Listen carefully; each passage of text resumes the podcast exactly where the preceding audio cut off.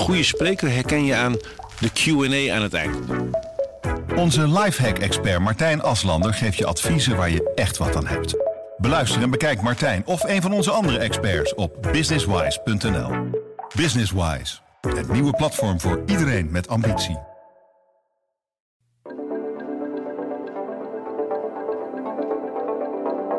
Want dan zitten ze in een kerktoren waar, centimeters dikke laag duivenstront tegen de muren ge, ja, ge- gekit zit bijna en op de grond. En eigenlijk zeggen hoe viezer, hoe beter, want dan heb ik meer eer van mijn werk. En dat is er een heel fijn gevoel aan overhouden als ze het helemaal schoon afleveren. Vanaf de redactie in Vlissingen is dit de PZC deze week. Mijn naam is Rolf Bosboom. Schimmel onder je vloer, drijven het rollen of het tapijt vol bloed? Geen paniek. Ook voor de smerigste klusjes staan er altijd mensen klaar. Verslaggever Ondine van der Vleuten sprak met drie van hen. Waarom putjes scheppen zo eenvoudig nog niet is en wat maakt duivenpoep zo dodelijk. De aanleiding was het boek eh, Schoon Genoeg van Turul Olu. Dat is een, eh, de eigenaar van schoonmaakbedrijf Frisse Kater. Die doen alleen maar extreem vervuilde situaties.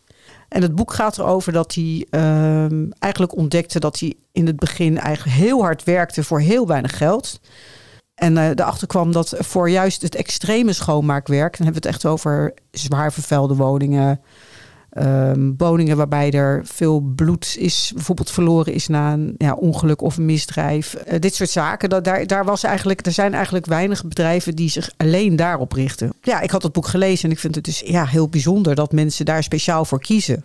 Dat was de aanleiding. Maar, maar ik heb dus nog eh, twee andere bedrijven benaderd. Eigenlijk ook nog eh, had ik graag een, een schoonmaakster van operatiekamers gesproken. Want dat lijkt me ook eh, wel werk waar, waar je normaal je neus voor ophaalt. Dat was eigenlijk een beetje de gemene delen bij die, bij die bedrijven. Dat, dat, je, dat het werk is dat zo smerig is dat een ander zegt... dan ga ik mijn handen niet vies aanmaken. En dat deze mensen zich daar met veel enthousiasme opstorten. En eigenlijk zeggen hoe viezer, hoe beter. Want dan heb ik meer eer van mijn werk. En dat is er een heel fijn gevoel aan overhouden als ze het helemaal schoon afleveren. En je bent dus met, met drie mensen op pad geweest. Of je hebt met drie, drie mensen gepraat die beroepen doen die andere mensen niet zo eh, aangenaam vinden of als smerig werk beschouwen. Wat vond je zelf het meest onaangename?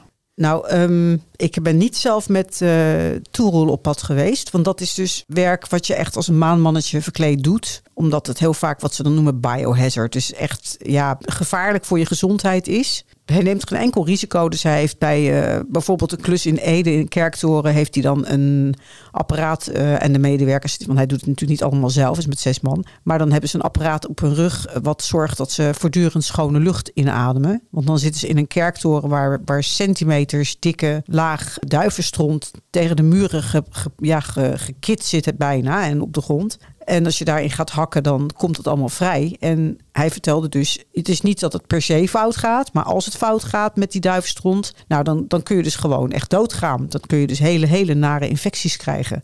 Nou, dat is niet het soort werk waarvan je tegen een journalist zegt van eh, kom maar eventjes kijken en met een filmploeg erbij en eh, een fotograaf. We zijn wel bij de, bij de mee geweest en we zijn bij de stoomreiniging Zeeland gaan kijken. Dat wel. Maar de rest heb ik dus helaas niet uit eigen ervaring.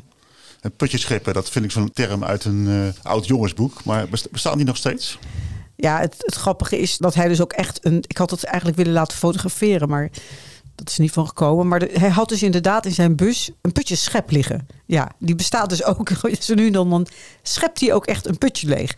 Maar hij zei zelf al van het is dus, veel, veel eh, ingewikkelder en veel meer dan dat. Vroeger zeiden ze van eh, eh, als je niet uitkijkt, dan eh, moet je putjes scheppen worden. Of als je niks kan, dan kan je in geval dat nog worden. Maar het schijnt toch zo te zijn dat je wel een half jaar moet meelopen met, met de mensen die het al kunnen. Voordat je echt alle ins en outs van dat vak, wat is eigenlijk ontstopper zou ik moeten worden genoemd. Ja, het is een reëel bedrijf. hè? Ja, dus ze, ze- wat ze doen is, kijk, zo'n putje schep je leeg om de zaak weer vlot te trekken. Om te zorgen dat alles weer doorstroomt. En dat is eigenlijk wat ze overal doen. Zorgen dat de boel weer doorloopt en dat, het niet, dat er geen verstopping meer zit. Wat komt zo'n man allemaal tegen in zijn werk? Wat, wat je allemaal kunt verwachten, wat, wat, wat we allemaal weten, is dat er gewoon heel veel troep door het riool gespoeld wordt. Dus je hebt eh, natuurlijk, vooral van de Duitse gasten schijnt dat, de, de, de toiletdoekjes. En die schijnen ze echt met, veel, met grote hoeveelheden te gebruiken. En uh, in de wc te gooien waar ze niet horen. En dat voor verstop, verstoppingen zorgen. Maar natuurlijk ook uh, bijvoorbeeld hamsterkooien die leeggegooid worden in het toilet. Heeft hij meegemaakt. Uh, in, op, op campings schijnen er ontzettend veel seksspeeltjes door het riool heen te gaan. Hij zei ook, ik weet niet hoe, wat ze dan doen of hoe dat kan. Maar ik weet wel dat er heel veel gebeurt op, op campingplaatsen. Um, ja, natuurlijk de, de gebruikelijke dingen zoals uh, tampons of zo, die er ook niet in hoort te gooien. En uh, soms zelfs heel luiers. Maar hij kwam ook bijvoorbeeld een keer een colafles tegen. Nou, ik, als ik een colafles de wc in zou moeten proppen en er doorheen, ik weet niet hoe ik het zou moeten doen. Nee. Hij snapt het ook niet, maar hij zei, ja, het grootste probleem voor ons was hoe krijgen we het er weer uit? En dan een andere categorie, wat volgens hem toch veel viezer is dan de poep en de pies. Van daarvan zegt hij, nou, dat daar heeft, hij zegt aan de poep heeft nooit iemand met vieze handen gezeten. Dat was een beetje, is een beetje een vaste uitdrukking voor hem. Maar hij zegt ook van je, je was dat gewoon zo weer af. Dat is geen probleem. Maar als je bij een restaurant de leidingen moet schoonspoelen. Dan um, heb je daar te maken met hele dikke lagen weggegooid vet. Wat op de een of andere manier in die leiding is gaan zitten. En het schijnt dus dat dat vet gaat schimmelen en rotten en gisten. En dat gaat in je huid zitten en dat gaat verschrikkelijk stinken. En dat ruik je drie dagen later nog. Alleen hij niet, want hij heeft iets met zijn neus waardoor hij niet kan ruiken. Of tenminste heel weinig ruikt. dus dat is een groot voordeel voor die man, zegt hij zelf. Maar vindt hij dan dat hij zelf ook geen vies werk doet? Of hoe, hoe kijkt ze er zelf tegenaan?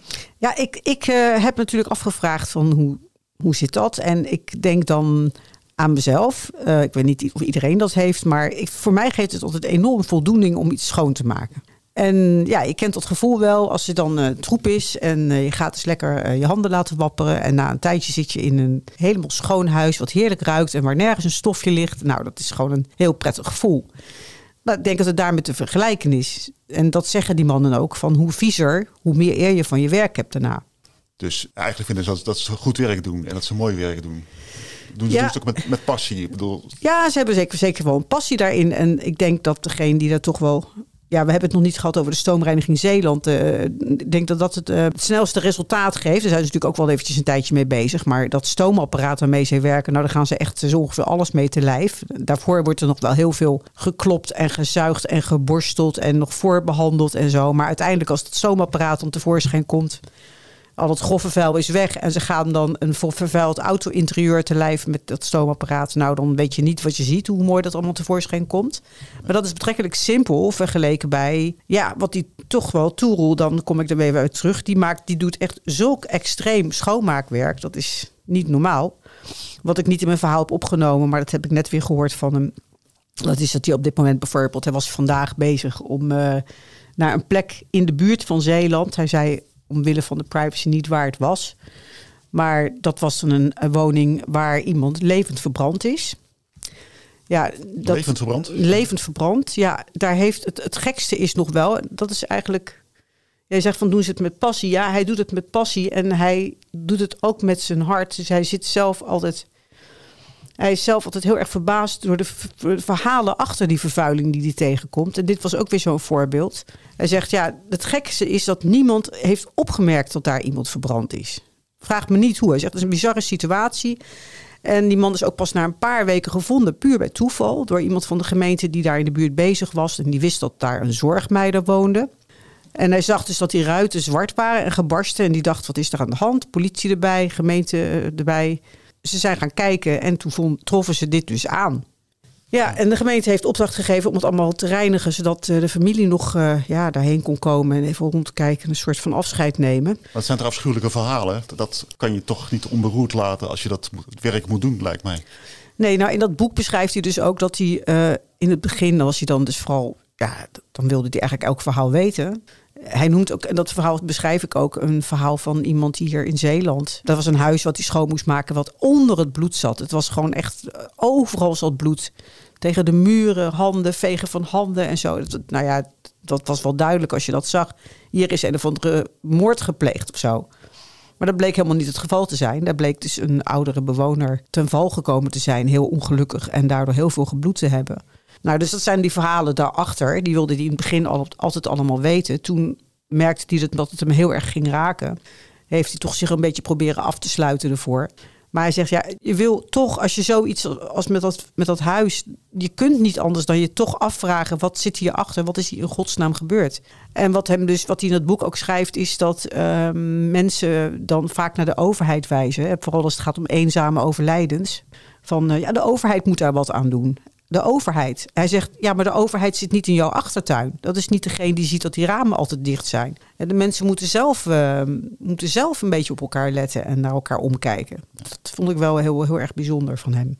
Eigenlijk zijn het ook al een beetje treurige verhalen. Uh, aan de ene kant heb je mensen die van alles door de wc uh, spoelen en maar hopen dat iemand anders het opruimt. Ik las ook in je verhaal dat zeker op vakantieparken of in huurhuizen dat mensen daar een stuk makkelijker in zijn. Zo van, ja, het is, het is niet mijn zorg en als er problemen komen, dan, dan lost iemand het wel op. Ja, dat is wel waar. Ja. Misschien kan je het zelfs uh, het, het om je heen gooien van rotzooi en, en vuil en het niet opruimen van je omgeving zegt iets over hoe mensen zijn. Mm -hmm. En uh, we kennen allemaal het, het uh, verschijnsel van mensen die bijvoorbeeld hun eigen woonkamer, hun eigen huis keurig netjes houden. En je doet één stap over de, over de drempel, de straat in. En ze komen niet op het idee om bijvoorbeeld zout te strooien als het uh, glad is. Of eens even te vegen als het er heel veel sigarettenpeuken liggen. Want dat, is niet meer, dat hoort niet meer bij hen. Nou, zo heb je dus ook mensen dus, die, als ze dus, dat vertelde die meneer van Riooltechniek Zeeland, want dat is het bedrijf. Dat, die meneer Richard Nowak, die die weet dus dat als mensen in een huisje zitten dat niet van hen is, nou dan uh, interesseert het ze allemaal niks. Dan, uh, want als hij bij mensen komt van wie het huis wel is, dan zijn het, is het allemaal een heel stuk beter onderhouden. Ja. Dus het is volstrekt duidelijk dat, dat het inderdaad zoiets is van, boeien, het is van een ander.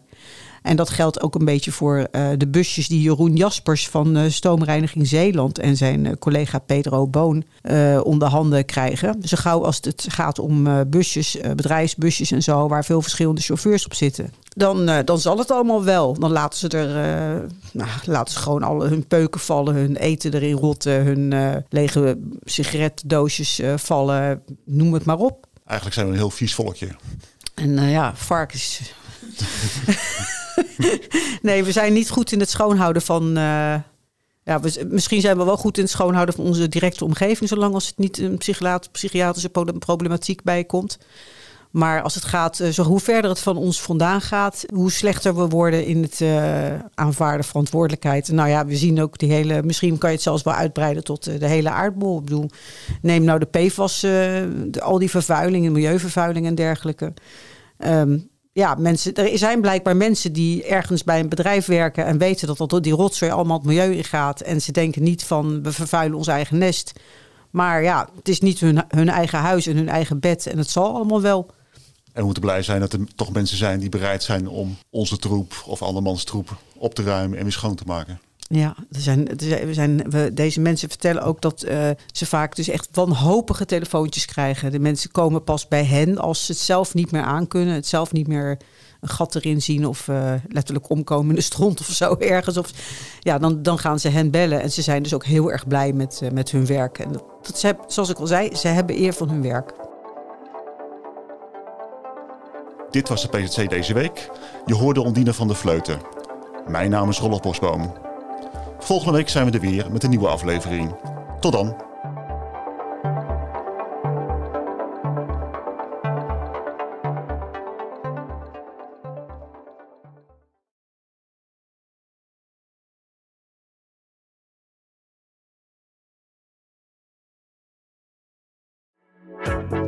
Een goede spreker herken je aan de Q&A aan het eind.